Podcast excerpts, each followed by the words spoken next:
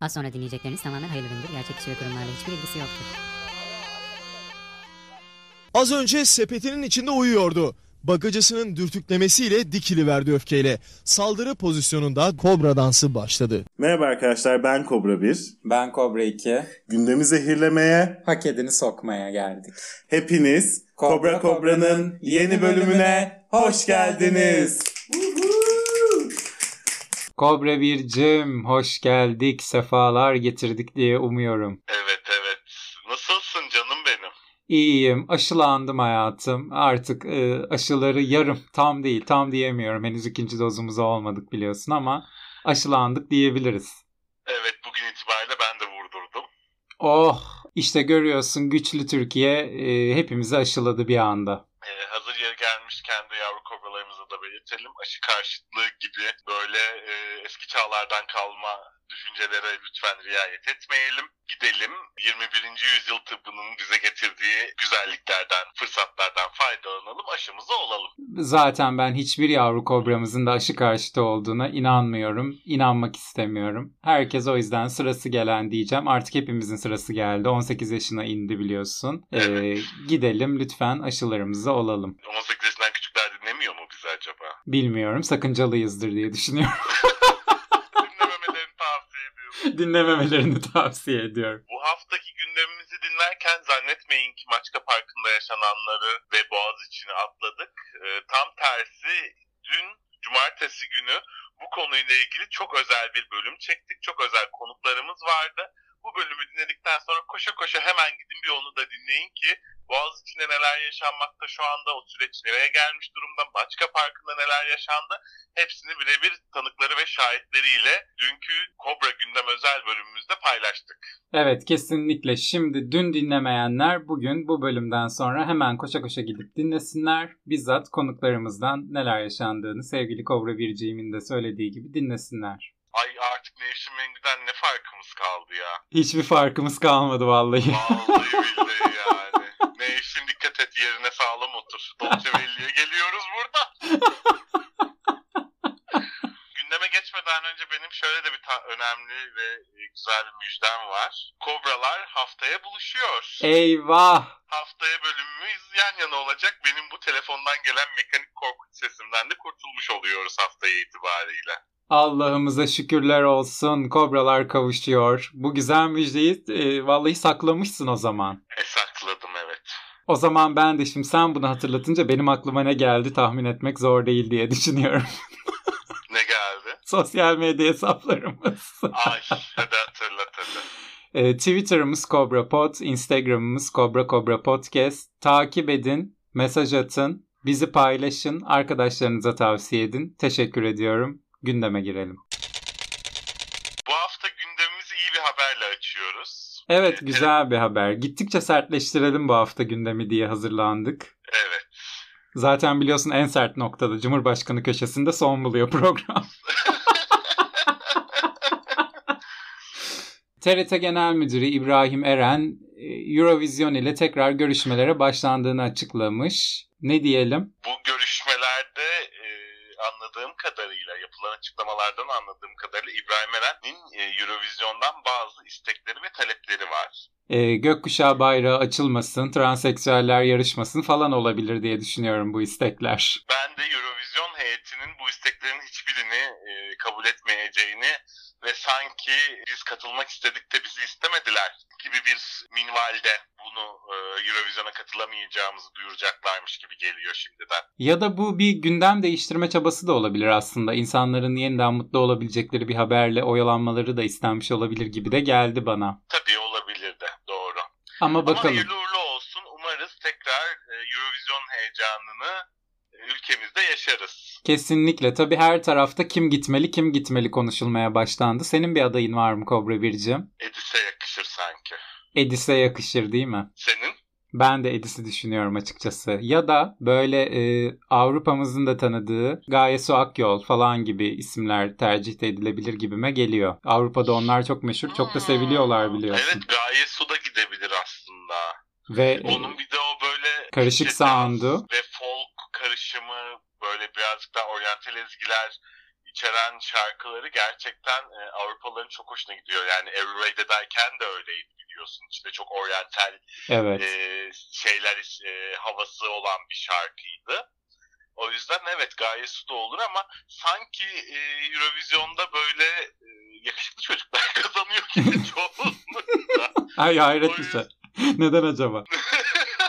o yüzden sanki daha şansı yüksek olurmuş gibi geliyor bana. Yani ben o zaman sen Edis diyorsun ben Gaye Su Akyol diyorum. Biz iki adayımızı vermiş olalım. Artık İbrahim Eren bizim yakın takipçimiz biliyorsun kendisi. Umarız bizim bu söylediklerimizi dikkate alır. Umarız. Sadece bu söylediklerimiz dikkate alır umarız.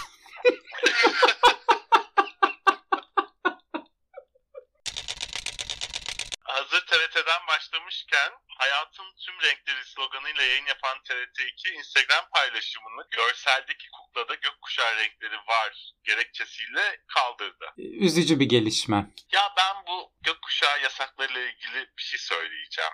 Tabii ki. Benim dikkatimi çeken bir şeyden bahsetmek istiyorum. Ben biliyorsun birazcık da çalıştığım alan gereği internet sitelerinden de yeni tasarımlara, işte Türk markaların ve diğer markaların tasarımlarına ve e, ürünlerine çokça gezip bakıyorum. Şu anda Koton, Waikiki veyahut da işte Trendyol, Morhipo gibi alışveriş sitelerinde artık gökkuşağı falan sansürlenmiyor. O ilk şey çıktığında yönetmelik çıktığında sansürlenmişti ama şu anda pek çok üründe yok böyle bir şey. Ama Beymen'de bir tane kalker çanta var. Sapları gökkuşaklı. Her hafta gidip bakıyorum daha o sansürü kaldırmadılar o çantanın saplarından. Beymen'e de buradan yazıklar olsun demek istiyorum. Yazıklar olsun Beymen'e diyelim o zaman. Diyelim, diyelim. Ee, TRT 2'ye de tabii yazıklar olsun bu arada. Yani tabii ki ama şaşırttı mı? Hayır. Asla, asla canım şaşırtmak bir yana yani. Ama işte o zaman programın sloganını hayatın bazı renkleri diye değiştirseler. Dış güç araştırması olduğunu düşündüğüm bir araştırma yapılmış. Türkiye alım gücü sıralamasında 37 ülke arasından 31. olmuş. Bak işte sen de bu dış minnakların algılarına yenik düşüyorsun. Aslında bu haberi şöyle vermemiz lazım. Türkiye alım gücü sıralamasında 37 ülkeden 6 tanesini geride bıraktı. Evet, Ya bak bakış açısıyla ne kadar değişiyor. kesinlikle öyle. Ay doğruları konuşuyorsun yine Kobra Bircim. Ya lütfen. Gerçekten öyle. Acaba hangi ülkeleri geride bıraktı? Araştırmanın detaylarına ulaşamadım. Yani 30 ülkenin ardında kaldı değil 6 ülkeyi geride bıraktı ve kendisini ilk ilk 32 içine sokmayı başardı. Ama tabii yani bunu hissedebilmemiz için e, böyle araştırmalara da gerek olduğunu zannetmiyorum. Birazcık markete, çarşıya, pazara, alışverişe gittiğimiz zaman e, maalesef ki zaten yüz yüze kalıyoruz. Alım gücümüzün durumuyla. Evet, Ya artık ayyuka çıktı. evet. Vakti zamanında yazar kasa atılan günlerden çok daha kötü bir durumdayız aslında şu anda alım gücü açısından, ekonomik durum açısından. Yani e, Türkiye'nin tırnak içerisinde saygın ve önemli kuruluşları bambaşka şeyler söylüyor olabilir ama vatandaşın yaşadığı apayrı. Yani Cumhuriyet tarihinin en kötü ekonomisindeyiz desek yalan olmaz diye düşünüyorum. Ama tehlikeli olur. Yalan olmaz ama çok tehlikeli olur. O yüzden biz böyle bir şey dememiş fayda edip diğer haberimize geçelim. Geçelim. Cumhuriyet Halk Partisi'nden bu hafta çok akıl almaz bir söylem geldi. Cumhuriyet Halk Partisi Başakşehir İlçe Başkanı Deniz Bakır CHP'li kadınlar bereketlidir. Sizden en az 6 çocuk bekliyorum. Biz 6 okçuyuz. gibi e, herhalde her çocuğa bir tane Atatürk Ok. öğretip yani falan gibi bir şey mi düşündü nedir? Ben hiç anlam veremedim buna. Bir de toprak mı bu? Su mu? Ne bereket? Nasıl bir şey ya? Yani akıl alır gibi değil. E, Deniz Bey istediği kadar çocuk yapabilir fakat e, diğer kadınların kaç çocuk doğurup doğurmayacağı ile ilgili fikir sahibi olmamasını rica ediyorum ben. Bence kendi eşinin kaç çocuk doğurup doğurmayacağı ile ilgili de söz hakkı olduğunu düşünmüyorum ben. Kadının kendi bedeni, kendi kararı kaç çocuk doğurmak isterse doğurur. bu konuda artık hiç kimsenin hiçbir şey söylemesini istemiyorum ben. Kaçıncı çağ, hangi yüz çağda yaşıyoruz yani? Artık bu arada da bana kalırsa artık bu konuyla ilgili söylenmesi gereken şey ciddi bir nüfus planlamasına ihtiyacımız olduğudur yani. Evet, evet o konuda da çok haklısın. Ama işte e, vakti zamanında devletimizin, hükümetin değil, devletimizin 5 yıllık, 10 yıllık ve 20 yıllık nüfus planlaması gibi, eğitim planlaması gibi, iş üretim planlaması gibi planlamalarını yapan devlet planlama teşkilatı biliyorsun kapatıldı. Evet. O yüzden bu tarz planlamalar yapılmıyor. Hani Allah'a emanet. Saldım çayıra Mevlam kayıra diyorsun. Aynen öyle, aynen öyle. Yani geçen gün çok yakın bir dostum bir özel üniversiteyle iş görüşmesine gitti. Ve bir bakalım iş görüşmesini kimle yaptı? Kimle yaptı? Üniversitenin sahibiyle. Şaka yapıyorsun. Evet. Yani dükkana işçi alan dükkan esnaf gibi yani anlatabiliyor muyum? Bu üniversitenin insan kaynakları bölümü yok mu? Var. Bu üniversitenin rektörü, bu işe başlayacak bölümün bölüm başkanı, yani bu mülakatı, bu görüşmeleri yapacak bir sürü nitelikte insan varken üniversitenin sahibinin kendi dükkanına işçi alıyormuş tavrıyla bunu yapması çok garip geldi bana gerçekten. Akıl almaz, nutkum tutuldu Ak- diyebilirim yani. evet, evet yani. Geçmiş Adam olsun. her gün gidiyormuş oraya biliyor musun? Şaka. Evet dedik yani dükkanın başında duruyor. Ya, tam olarak. Yıllar önce sona ermiş olan Kavak Yerleri isimli dizimize gidelim. MHP milletvekili Esin Kara, yıllar önce sona eren Kavak Yerleri dizisine hedef gösterdi bu hafta. Kavak Yerleri diye bir dizi vardı. Öyle bir şey ki 3-5 erkek, 3-5 kız her türlü kombinasyonla çıktılar. Böyle bir mantığı Türk aile yapısında görmedik. Açıklamasında bulunmuş. E yapısında biz genelde işte abisinin karısını kaçıranlar, e, yengesine tecavüz edenler, gelinine bilmem ne yapanlar gibi şeyler görüyoruz. Böyle işte evlenmeden gençlik döneminde birbirleriyle flört ederek tanışma gibi bir şey görmedik. Doğru söylemiş. Çok rastladığımız bir şey değil evet. Evet yani. Ve bu dizi e, sona ereli yaklaşık olarak 10 yıl geçti. Hanımefendinin aklına yeni mi geldi? Herhalde ben şöyle düşündüm. Meclisteki odasında muhtemelen boş vakitlerini bu diziyi izleyerek değerlendiriyor. Sabah gidiyor, odasına giriyor, kahvaltısını alıyor meclis lokantasından. Masasına oturup akşama kadar bu Bakalım diziyi Aslı ile- izliyor. Bakalım Aslı ile Efe neler yapmış bu hafta diye. Hanımefendinin bu isyanını başka türlü açıklamak mümkün değil diye düşünüyorum çünkü. Bence de öyle. Nereden aklına geldi yani? Yani diziyi yapanlar unuttu bu diziyi.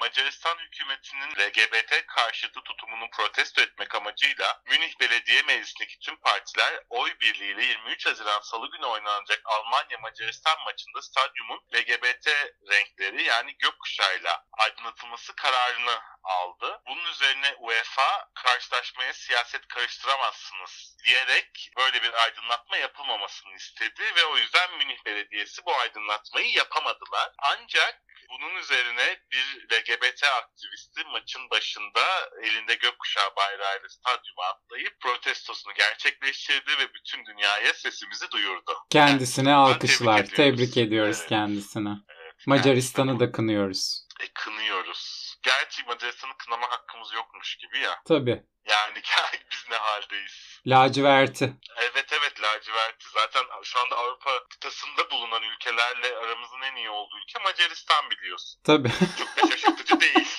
Yeni dostumuz. Yeni dostumuz Macaristan.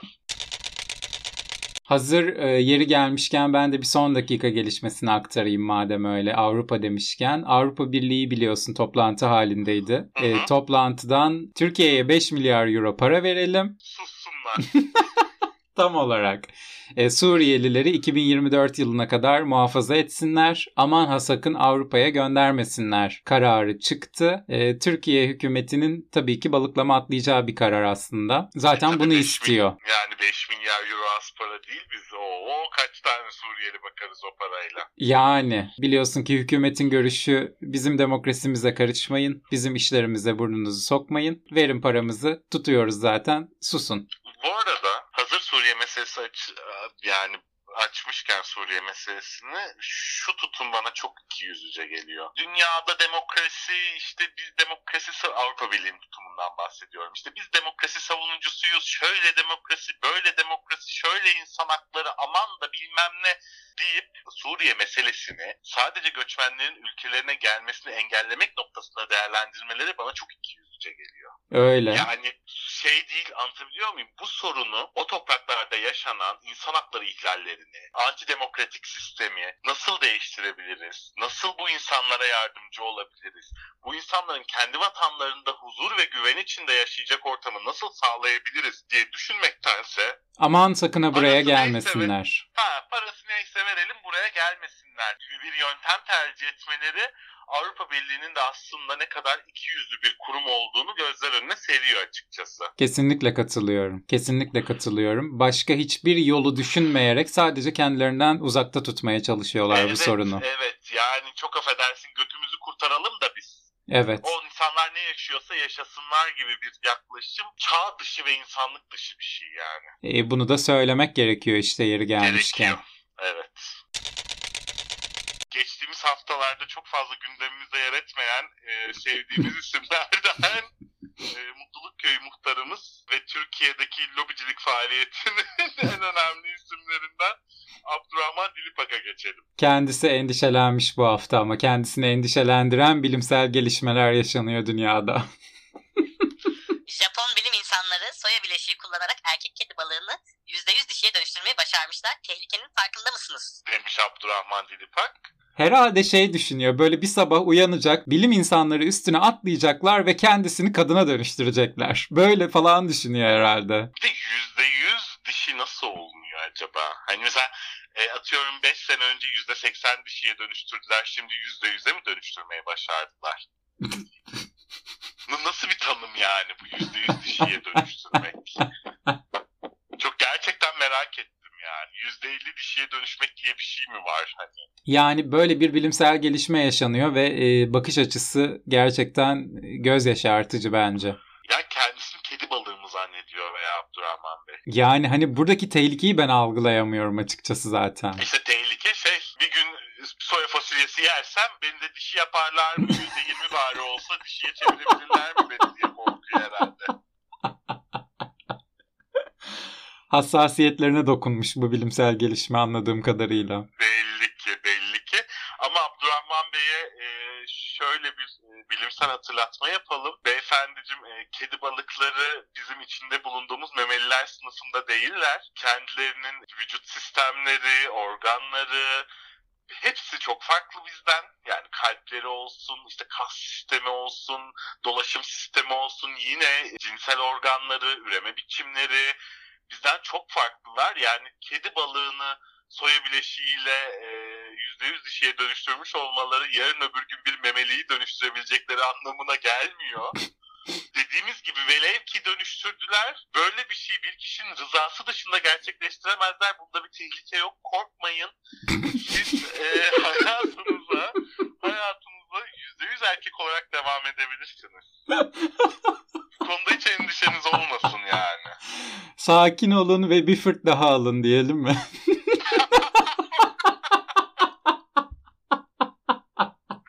Biz ona en son detoks önermiştik ama. Bence bir fırt Herhalde zamanı. önerimizi, herhalde önerimizi dinledi. Bence bir fırt almanın zamanı gelmiş. Gelmiş gelmiş. Biraz endişeli sakinleşmekte fayda Evet. var. Evet endişeli bir döneminde biraz sakinleşmesinde fayda var diye düşünüyorum ben de. Ay sinirlerim bozuldu ya.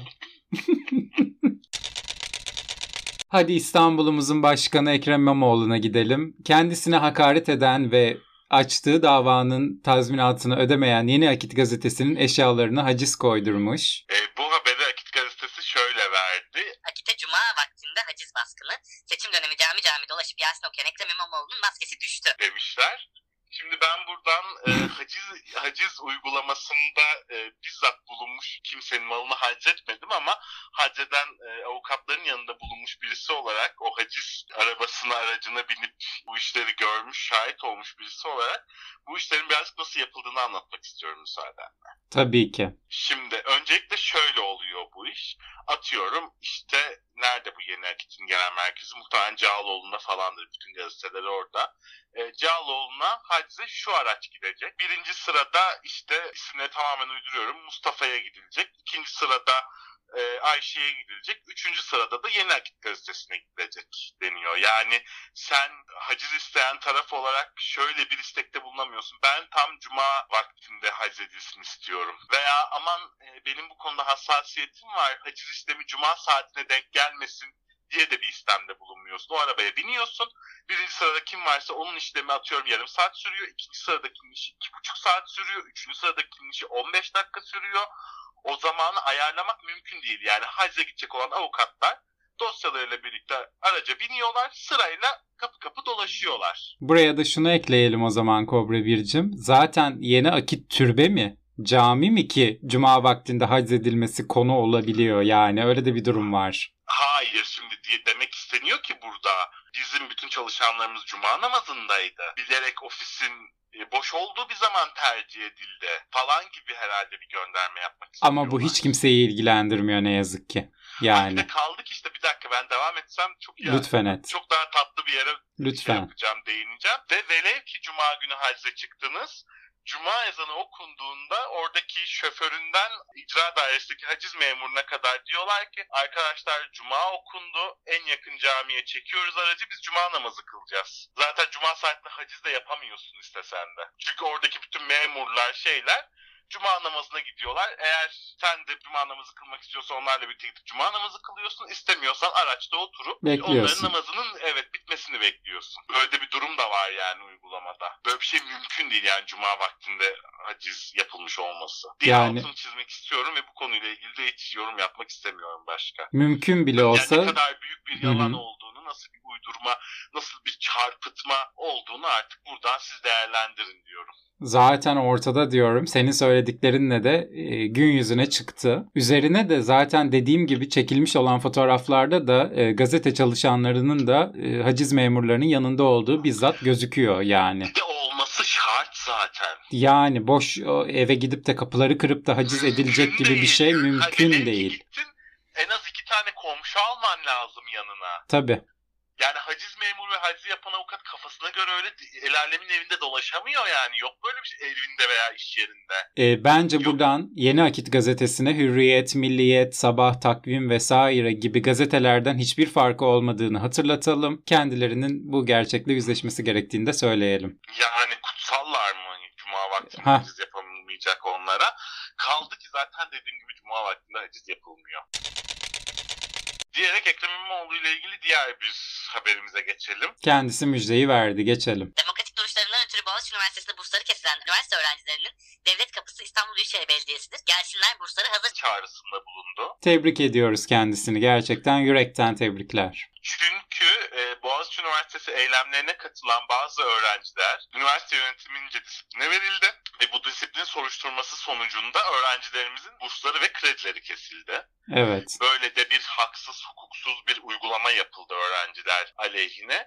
Bu konuyla ilgili de Ekrem İmamoğlu sağ olsun e, taşın altına elini koydu. Aslında bu Melih Bloğ'un e, planlarını da ters yüz eden bir şey oldu biliyorsun ki. Bu öğrencilerin yalnız olmaları gerektiğini düşünüyordu. Yalnız kalacaklarını, bu eylemi sonlandıracaklarını düşünüyordu. E, ama bu öğrencilerin yalnız Kendisi olmadığıyla yalnız yüzleşti. kaldı. Evet, kendisi yalnız Kendisi kaldı. yalnız kaldı. Ya çok ayıp ya. Gerçekten Çok. yani bu kadar istenmediğin bir yerde bu kadar uzun süre durmaya insanın nasıl gönlü el veriyor anlamıyorum ben. Şey gibi değil mi? Kötü bir dizi karakteri gibi. Yani Evet, karikatürleşti artık Melih Blue. Gerçekten Evet, evet. bütün kozlarını oynuyor ama hepsi komik. Komik yani ve Yas- e, yasak elmadaki Ender gibi. Evet. o kadın da biliyorsun hiçbir yerde istemiyorlar. istenmediği yere ben bu şirketin ortağıyım yönetim kurulundayım. Oradan kovuyorlar bilmem kimle evlendim ben gene de hayatınızdayım gibi yani. Neyse. Gerçekten aynılar yani. Şimdi Bakan Kurum'a gidelim o zaman. Bakan Kurum demiş ki Kanal İstanbul, Cumhuriyet tarihimizin en çevreci şehircilik projesi. Kendisinin de Ya, evet, kendine has mizah anlayışı var. Evet. kendisinin de mizah anlayışı çok iyi. Çok gerçekten müthiş bir ironi anlayışı var anladığımız kadarıyla. Şimdi bak dünyada belli başlı gerçekten çok önemli kanallar var. Örneğin e, Süveyş kanalı. Deniz ulaşımı açısından müthiş bir kestirme yol Hı hı. e, sağlıyor. Aynı şekilde Panama kanalı bir kıtanın etrafından dolaşmanı engelliyor.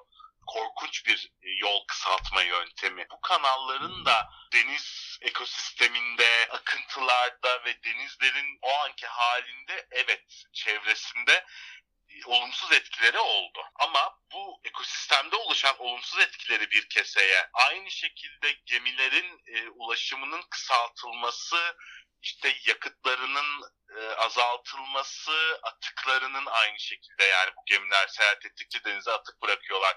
Atıklarının azaltılması gibi çevreye pozitif katkıları bir kefeye konduğunda daha ağır basıyor ekosisteme verdiği zarardan ve e, diyorlar ki ya evet ekosistemde böyle böyle sıkıntılar çıkacak ama tam tersine böyle böyle de kar elde etmiş olacağız. Çevre çevre açısından da sadece ekonomik açıdan değil, çevre açısından da böyle böyle kar etmiş olacağız. Bu kanalları yapalım diyorlar. Ama yani İstanbul Boğazı gibi bir boğaz varken onun paraleline ve çok yakınına böyle bir boğaz yapmanın ne ekonomik açıdan ne ulaşım açısından bir kestirme olacağı, ne yani aynı şekilde çevreye çok korkunç zararlar vereceği ortadayken niye bu konuda hala böyle inat ediliyor ben anlayabilmiş değilim. Para para para.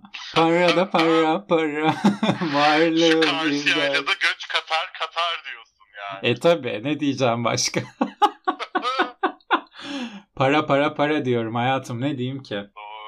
Cuma günü sosyal medyada e, bazı görseller paylaşılarak Kanal İstanbul inşaatı başladı şeklinde haberler de yapıldı. E, yine Ekrem İmamoğlu çıkarak bunun Kanal İstanbul inşaatı olmadığını, 2006 yılında planlanmış olan bir yol çalışması olduğunu da duyurdu.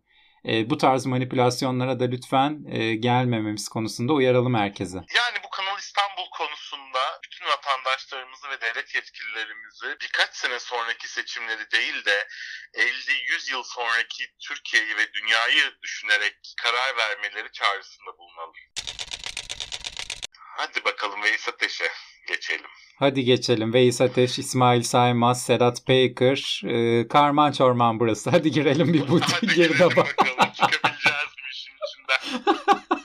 Veys Ateş geçtiğimiz hafta Halk TV'de İsmail Saymaz'ın konuğuydu. Ben bu programı e, baştan sona izledim ve notlar aldım. E, Veys Ateş program sürecinde çok e, tutarsız açıklamalarda bulundu bir kere her şeyden önce. Önce dedi ki davet edildim ve gittim. Sonra dedi ki davet edilmedim zaten oradaydım. Sonra dedi ki beni Cihan Ekşioğlu davet etti. Dedi ki ben bu otellerin çok daha lükslerine de gittim kaldım. Hmm.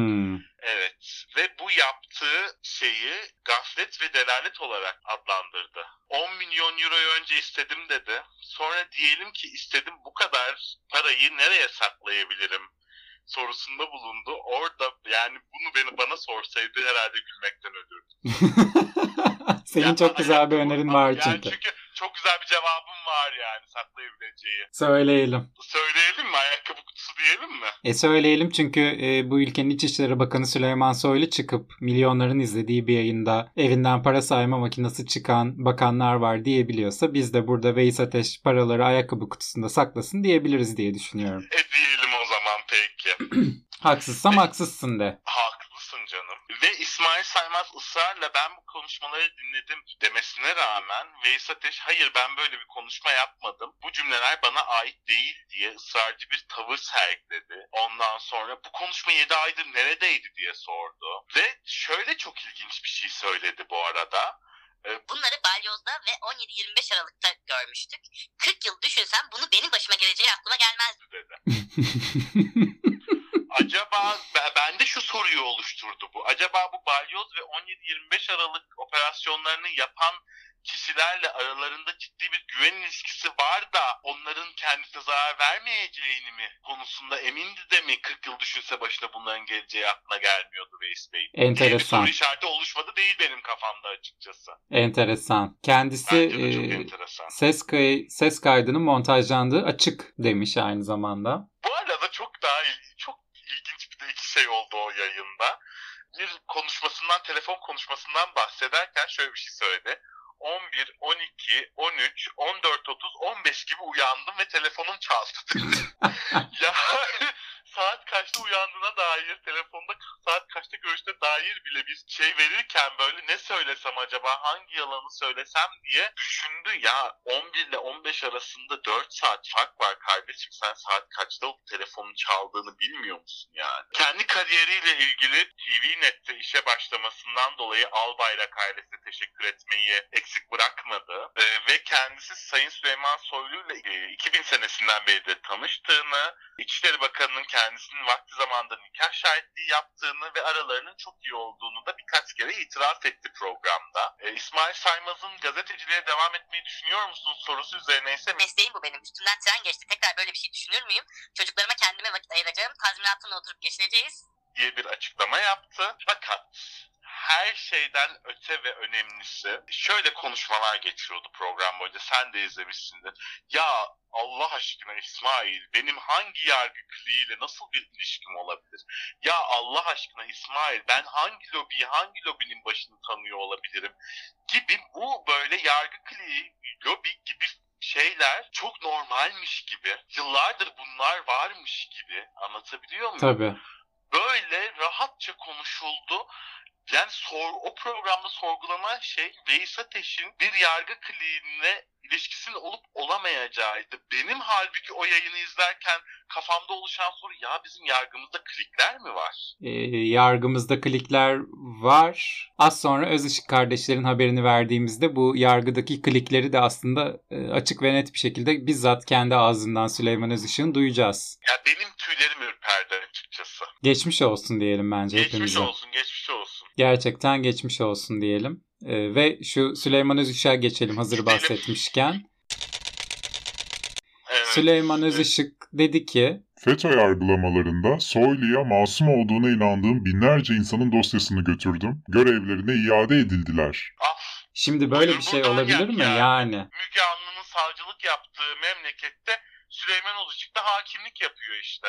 Ya hani nerede mahkeme, hani nerede hakim, hani nerede savcı? Bu ne yani şimdi? Bu nasıl bir açıklama?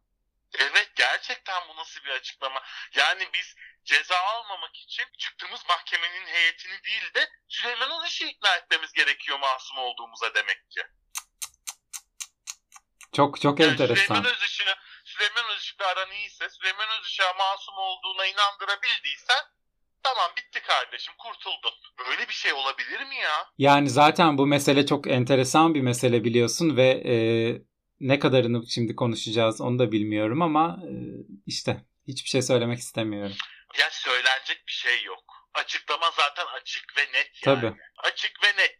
Bu açıklamadan çıkaracak tek sonuç şu. Ceza almak istemiyorsanız, masum olduğunuzu düşünüyorsanız gidip Süleyman Özışık'a kendinizin masum olduğunu ikna etmeniz lazım. Süleyman Özışık'ın sizin masum olduğunuza inanması ve bunu Soylu'ya söylemesi sizin yargıda kendinizi aklamanızdan çok daha önemli. E, çünkü bu çıkıyor bu açıklamadan yani. Süleyman Özışık bir yargı mensubu gibi çalışmış. Evet. Başka bir ülkede olsa yer yerinden oynardı diye düşünüyorum. Oynardı ya, oynardı yani. Binlerce Akıl insan diyor yani. Akıl almaz. bu. Bakar mısın sen Özışık kardeşlere? Ama nasıl bir pişkinlik bakar mısın? Bunu söyleyince başına hiçbir şey gelmeyeceğini de biliyor bu adam yani. Biliyor, biliyor. Enteresan diyerek e, bence kapatalım. Söyleyeceğimiz her Kapatalım şeyi ya. söyledik. Benim sinir, yani tansiyonum çıkıyor sinirden bu konuyu düşündükçe gerçekten.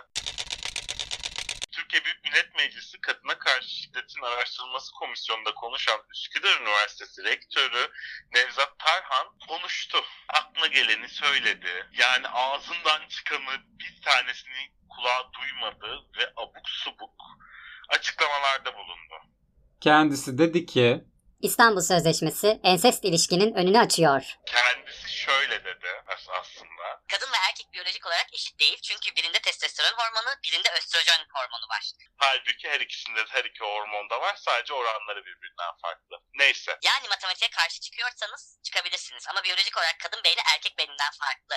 Hayır değil. Sözleşmede cinsiyetle ilgili tanım net değil. Rol kavramını belirsiz bırakmış. Belirsiz bıraktığı için herkes kendisine göre anlıyor.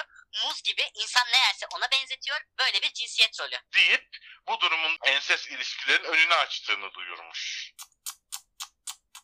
Akıl alır gibi değil, çağlar öncesinden bize seslenmiş Nevzat Tarhan. Hiç yorum bile yapmaya gerek yok, geçelim Yapmaya gitsin. gerek yok ya. Gerçekten yani. Bir Söyleyeceğimizi zaten söyledik. Kendisinin Söyledik. açıklamaları da her şeyi Kendisi söylüyor bazı- zaten. Kendisinin haberi olmadığı bazı bilimsel gerçekliklerle yüzleştirdik kendisini. Kesinlikle. Geç yazıklar olsun hakikaten. Şimdi gelelim e, HDP ve AK Parti ilçe başkanlığı saldırılarına. Gelelim. Geçtiğimiz hafta programımıza bir ek kayıt yapmıştık biliyorsun. Çünkü bu gelişmeden önce programımızı çekmiştik. Ee, Evet. Bu gelişmeden de bahsetmeden olmaz, taziyelerimizi, üzüntülerimizi iletmeden olmaz diyerek programımızın başına bir ekleme yapmıştık. Ee, olayla ilgili detaylar gelsin anlatacağız demiştik. Olayla ilgili de detaylar geldi. HDP binasına saldırı düzenleyen şahsın ifadesinin detayları kanımızı dondurdu açıkçası. Dondurdu. Ka- katil emniyette de adliyede de pişman olmadığını belirtti ve içimi soğuttu beni serbest bırakın isteğinde bulundu. Deniz Poyraz'ı öldürdükten dakikalar sonra hırsla yeniden kurşun sıktığını ve saldırdığını da müthiş bir rahatlıkla anlattı. Ve biliyorsun e, gözaltına alındı. Apar topar da mahkemeye sevk edilip e, hapishaneye atıldı. Hiçbir şekilde e, bu fotoğraflar nereden çıktı? Sen Suriye'ye niye gittin? Senin evinde niye bu kadar silah var? Sen kimsin? Vesaire gibi bir soruşturmanın yürütülüp yürütülmediği de kesinlikle paylaşılmadı. Paylaşılmadı. Bu konuyla ilgili Devlet Bahçeli'nin yine akıl almaz açıklamaları oldu. Öldürülen Deniz Poyraz'la ilgili bazı iddialarda bulundu. Bu iddiaları ben tekrarlamak istemiyorum. Çünkü hepsi iddiadır. Deniz Hanım'ın terörist olduğunu ilan, iddia etti, ilan etti. Hatta iddia etmekle kalmayıp meclis kürsüsünden ilan etti. Akıllarda şu soruyu uyandırdı. Ee bu insanın vurulması hak mı yani? Bu insanla ilgili elinizde bu kadar kesin deliller varsa siz Devlet Bey bu kadar rahat bir şekilde meclisteki grup toplantınızda bunları açık açık büyük bir rahatlıkla ne iş yaptığını, hangi görevlerde yer aldığını kendinizden bu kadar emin bir şekilde söyleyebiliyorsanız size sormak isterim savcılar ne yapıyordu? O zaman bu insanı yargılarsın, cezası neyse verirsin. Teksas mı ya burası? Ne yapalım yani? Terörist olduğunu düşündüğümüz insanları vuralım mı? Ne yapalım yani? Kendi adaletimizi kendimiz bu şekilde birbirimizi vurarak mı savun şey yapalım, sağlayalım? Çok garip. Gerçekten e, inanılmaz açıklamalar yaptı bence de. İnanılmaz soğukkanlılıkla bunlar çıktı ağzından. Ben e, nasıl bir vicdan açıkçası gerçekten anlayamıyorum. Ben de anlayamıyorum. Ben de anlayamıyorum. Bir de yetmezmiş gibi üstüne dedi ki Cinayete kurban giden Deniz Poyraz'ın masada yarım bıraktığı kağıt bardaktan içtiği çayla yediği domates ve zeytin kısa süre içinde Türkiye aleyhtarlarının propaganda görseli olarak kullanılmıştır.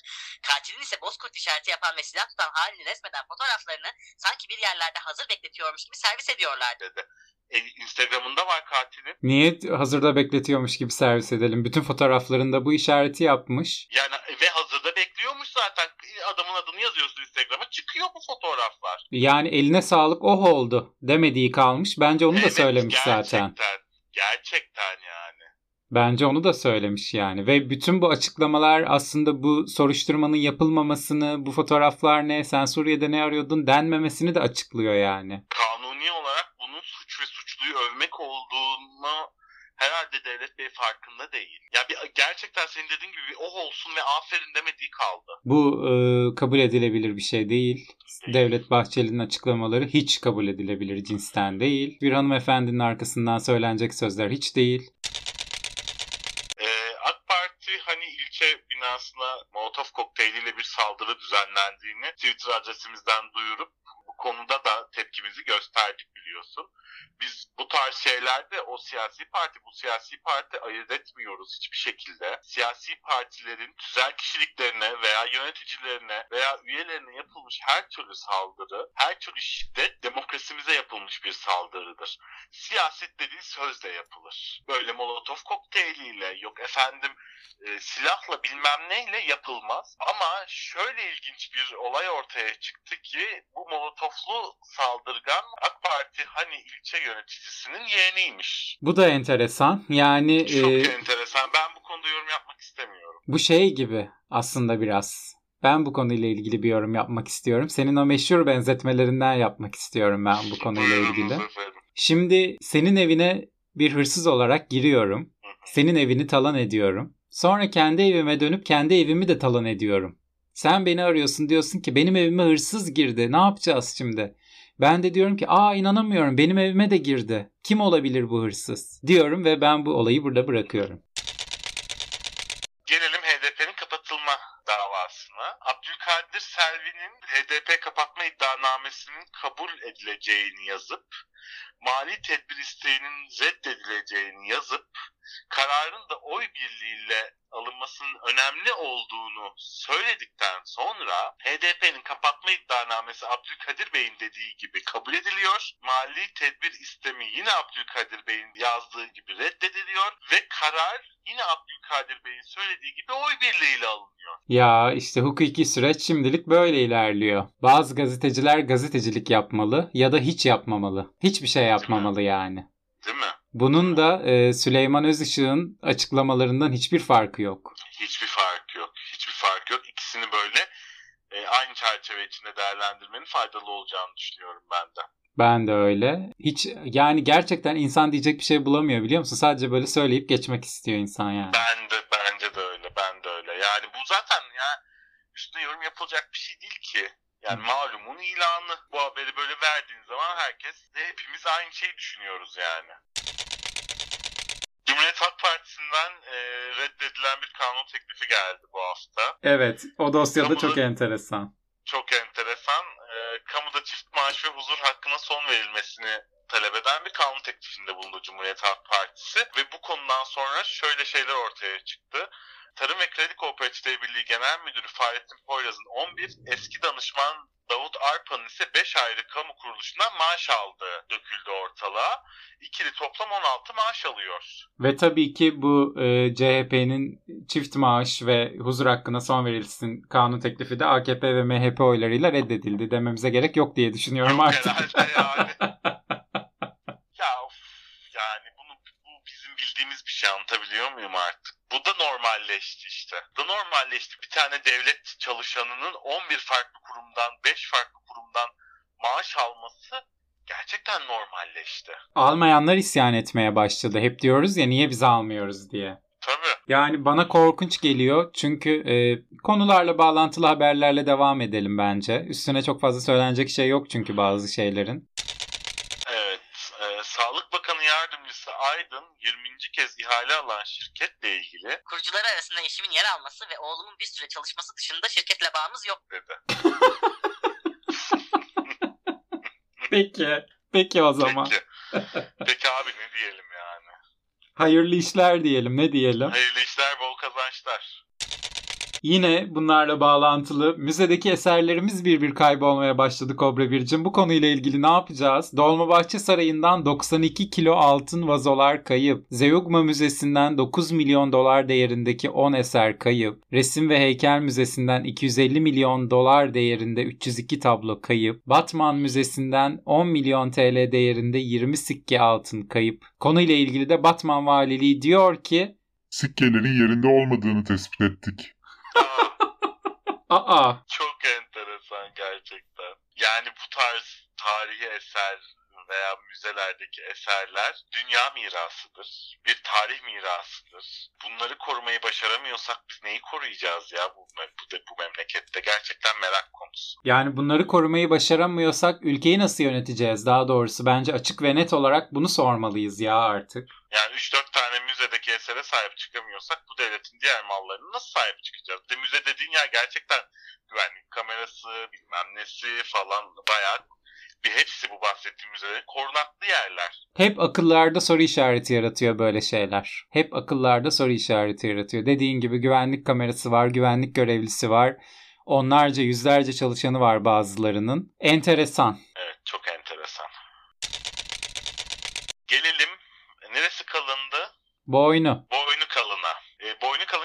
günlerde 2021 ve 24 Anayasası'nda devletin dini İslam'dı ve laiklik yoktu. Cumhuriyet fabrika ayarlarına dönsün. çağrısında bulunmuştu. Bunun üzerine Halkın Kurtuluş Partisi bir şikayette bulundu. İstanbul Cumhuriyet Savcılığı ise takipsizlik kararı verdi. Bu Halkın Kurtuluş Partisi bu aralar çok gündemde. Davalarıyla gündemde. Evet. Ama bence iyi bir muhalefet biçimi. En azından bir şekilde gündeme gelebiliyorlar. Seslerini duyurabiliyorlar. Hiçbir sonuç alamasalar da. Kesinlikle en azından bunların manasız açıklamalar olduğunu bir şekilde de olsa duyurabiliyorlar dediğin gibi. E, bu arada takipsizlik kararının gerekçesi ise anayasal hakkı olan fikir ve ifade özgürlüğü gösterildi. İşte görüyorsun kapsamı, alanı o kadar geniş ki ifade özgürlüğümüzün ülkemizde. Hiç Ama işte o kapsam ve alan böyle sanki bambaşka bir yöne doğru genişliyor. Yani bir taraftan böyle daralıp öbür tarafa genişliyor gibi değil mi?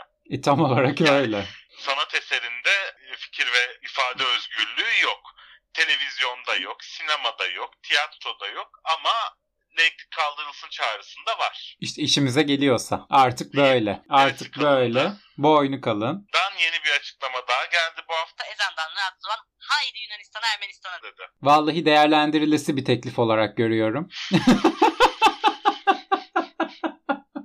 Pasaport vize işlemleri orada bir süre konaklayacak miktarda para e, temin ederse kendisi. İkimizi yağlasın ilk önce ne diyorsun? Yani ben ezandan rahatsız değilim. Ezan rahatsızlığıyla alakalı- Ama Yunanistan'da yaşamak isterim açıkçası. Ezan rahatsızlığı ile ilgili söylemedim ben de zaten. Bu konuda fikirlerimizi geçtiğimiz haftaki bölümlerimizin Evet. birinin ekstralarında zaten söylemiştik. Merak eden açıp dinlesin ekstralar Ama bölümümüzü. Avrupa Birliği vatandaşı olmak tabii ki bir yandan da tatlı geliyor kulağa. Şeyin farkında mısın?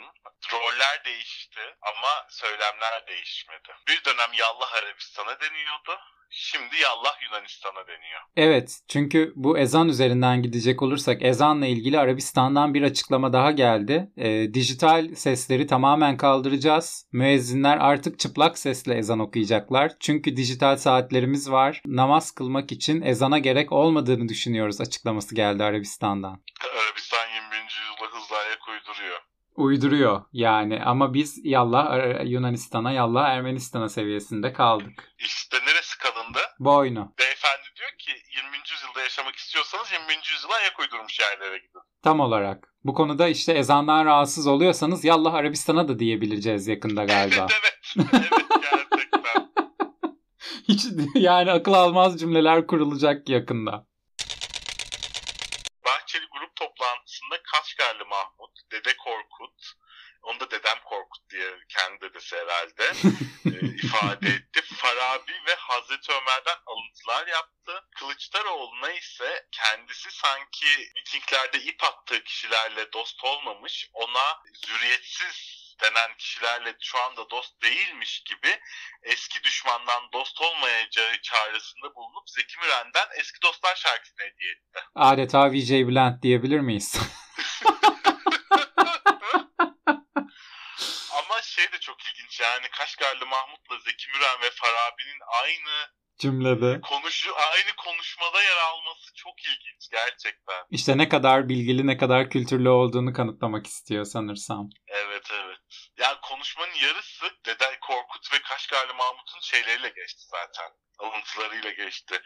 Bir de şey falan diyor işte biz samanı biliriz, deve bilmem ne, biz onu biliriz, şöyle böyle falan gibi çok ilginç metaforlar kullanıyor Devlet Bahçeli'nin grup toplantılarının ben e, artık sıkı takipçisi olacağım. E anlatacak başka bir şey yok hayatım ne yapsın? Dede Korkut masalları anlatıyor. Yani anlatacak başka Şeye bir şey yok. kızıyor, şeye de kızmış. Kılıçdaroğlu Türkiye'ye haydut devlet demiş. Herhalde o devleti kendi üstüne mi alındı nedir? Çok sinirlenmiş. diyor ki haydut devlet diyor ülkede diyor işte cinayetler işlenen e, ekonominin kötü olduğu adaletin olmadığı devlettir diyor. Biz diyor böyle bir devlet değiliz Bahçeli. Kendisinin iddiasıdır diyelim.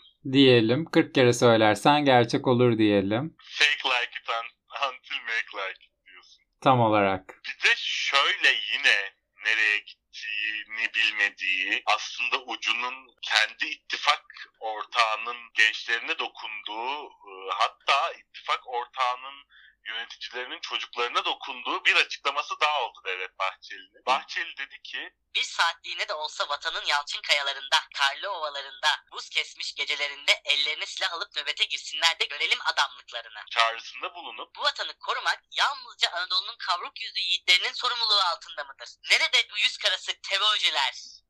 Nerede bu eğlence dolu gecelere akan kimliksizler? diye sordu. Ve sonrasında kendisi adres de verdi aslında bu kişilerin nerede olduğuna dair. Millet salgınla boğuşurken İzmir Alaçatı'da, Bodrum Yalıkavak'ta, İstanbul Nişantaşı'nda nasıl caka satıyorsa buyursunlar saltanat sürdükleri bu vatanın külfetine de biraz katlanmayı denesinler. dedi. Bu vatanda e, külfete katlanmayı gerektirecek ne yaşanıyor ne var ki? Ben anlamadım. Terörden bahsediyor herhalde külfet diye. Herhalde. Herhalde. Ama işte e, eğlence dolu gecelere akan kimliksizler Alaçatı'da, Yalıkavak'ta, Nişantaşı'nda caka satıp bu ülkenin saltanatını sürenlerin kim olduğu Instagram'da AKP çocukları sayfasından tespit edilebiliyor aslında. deyip geçelim. Deyip geçelim. Nutkun tutuldu değil mi? Tutuldu, tutuldu. Yani ben de öyle diyecektim de yani desem mi ben başka nasıl söyleyebilirim Madem ha söyledin geçelim. Ve Cumhurbaşkanlığı köşesine gidelim. Oley!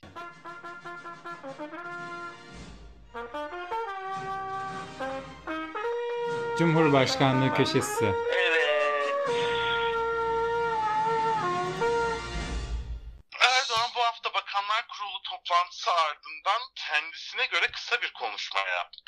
28 dakikalık konuşmanın son 2 dakikasını pandeminin e, açılması önlemlerine getirdi. Ee, ilk başta işte NATO'da öyle oldu, Şuşa şöyle bir yerdi, aman da böyleymiş, şöyleymiş diye atasözümüzde de e, öngörüldüğü üzere yediğini içtiğini kendisine saklayıp gezip gördüklerini anlattı uzun uzun. Tek tek kimlerle görüştüğünü saydı, isim isim, hangi şehirlere gittiğini saydı, işte o şehrin durumunu falan uzun uzun anlattı.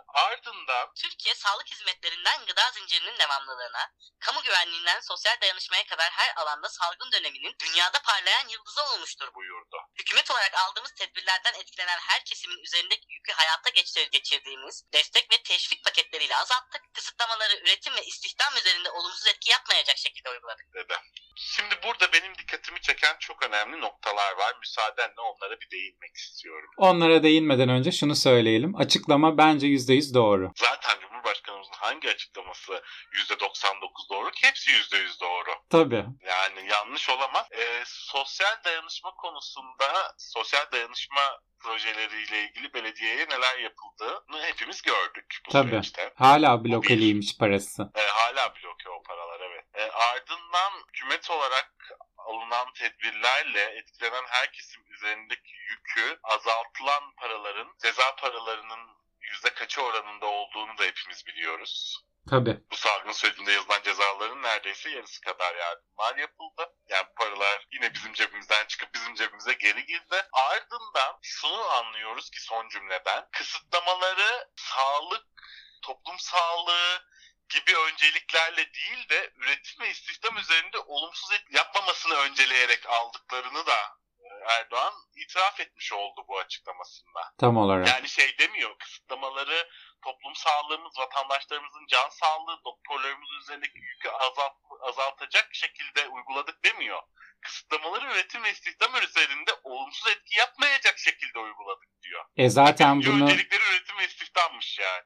E zaten bunu Yani. e, yapılan yarı kapanmadan da anladık. 40 milyon insanın e, her gün işe gidip geldiği bir tam kapanma, adı tam kapanma olan bir şey yaşadık yani. Evet.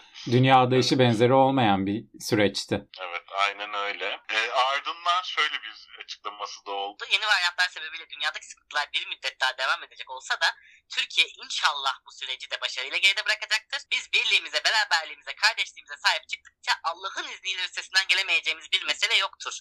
Dedi işimiz anladığımız kadarıyla Allah'ın izniyle inşallah kalmıştır.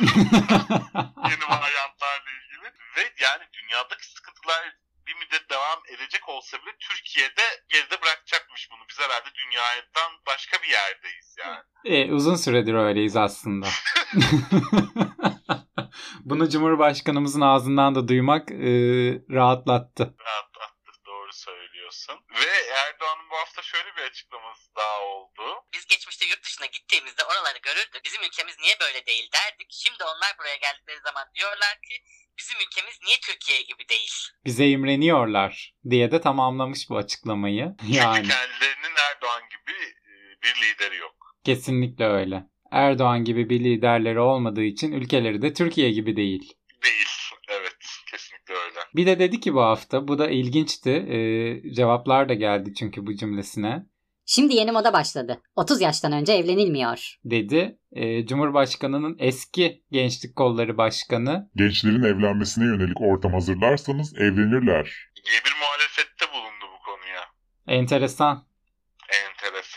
Kesinlikle enteresan. Fakat en en en çok gündeme gelen bu kurulundaki pandemi kısıtlamaları açıklaması şu oldu. Müzikle ilgili sınırlamayı da daha ileri bir saat olan 24'e çekiyoruz. Kusura bakmasınlar gece kimsenin kimseyi rahatsız etme hakkı yoktur. Dedi. Dedi. Bu cümleden anlamalıyız ki bu bir pandemi önlemi değil.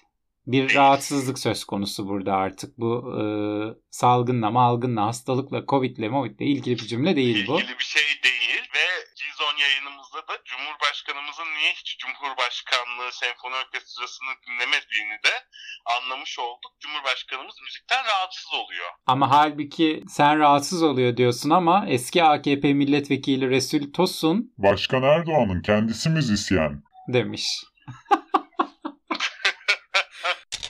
Kılıçdaroğlu bu konuyla ilgili şöyle bir açıklamada bulundu. Beyefendi müzik yasağını gece 24'e çekiyoruz. Kimsenin kimseyi rahatsız etme hakkı yok demiş. Yasaklar ideolojik diyoruz en baştan beri. Erdoğan rahatsızlıktan bahsedecekse ülke senden rahatsız ona ne yapacaksın demiş.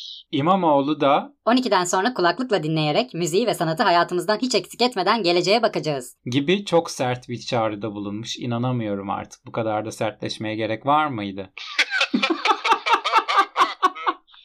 Bu artık yani. İmamoğlu'nun Beni de öyle. Bu artık pasif direniştir yani. Evet, evet. E, bu konuyla ilgili vakti zamanında Büyük Önder Mustafa Kemal Atatürk'ün de bir sözü vardı. Onu da hatırlatmakta fayda var. Sanatsız kalmış bir milletin hayat damarlarından biri kopmuş demektir. Yani söylenecek çok bir şey yok bunun üstüne. Ama Kesinlikle. buradan ben şunu şöyle bir oluştuğunu anlıyorum bence yönetenlerde. Müzik dinlemek, sinemaya gitmek, tiyatroya gitmek gibi şeyler Jacoben ve lüks olarak görülüyor anladığım kadarıyla. Yani kendileri bunun bir ihtiyaç olduğunu, toplumun rahatlamasına, toplumun e, eğlenmesine bir lüks olduğunu düşünüyorlar ihtiyaçtan ziyade gibi geliyor bana. Katılıyorum.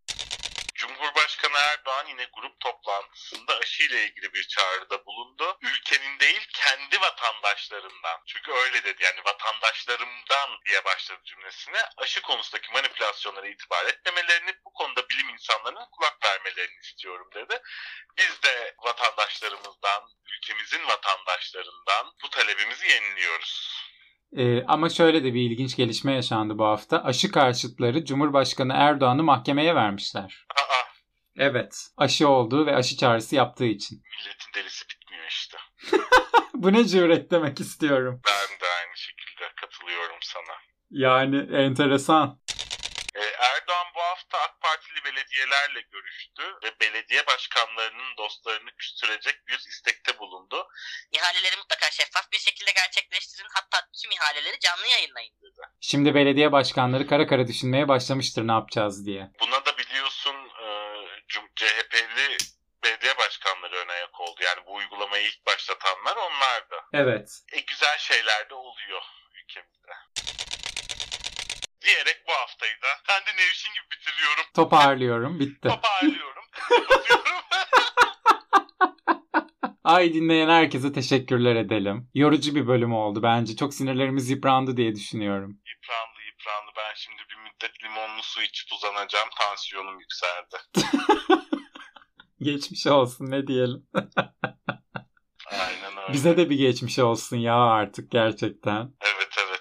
Ya hem bir yandan hep dediğimiz gibi bir terapi gibi oluyor. Yani Evet. Bütün hafta içimizde biriktirdiğimiz sıkıntıları aklımızdan geçirdiklerimizi bu şekilde e, kendi dinleyicilerimize aktarmak bir yandan bir terapi gibi içimizi boşaltmak gibi oluyor. Bir yandan da tekrar tekrar hatırladıkça ve nasıl bunu başımıza bela açmayacak şekilde ifade ederiz fikirlerimizi diye çabaladıkça bir yandan da yorulup sinirleniyoruz da gerçekten. Kesinlikle öyle. Ama e, yine de çok sinirlensem de e, yine de bir tık rahatladığımı da düşünüyorum. Çünkü bunları seslendirdikçe, bunları dillendirdikçe, e, dinleyenlerimize aktardıkça, onların bunları düşünmesine vesile oldukça ben mutlu oluyorum ve iyi bir şey yapmış gibi hissediyorum açıkçası. Kesinlikle katılıyorum sana. O zaman te- yeni terapi seansında görüşmek üzere. Herkese öpüyoruz. Haftaya yan yana görüşmek üzere. İşleri bitince sakinleşiyorlar. Sonra yeniden sepete. Neyse ki buna razılar. Aksi halde yılanların öcü durumu ortaya çıkardı.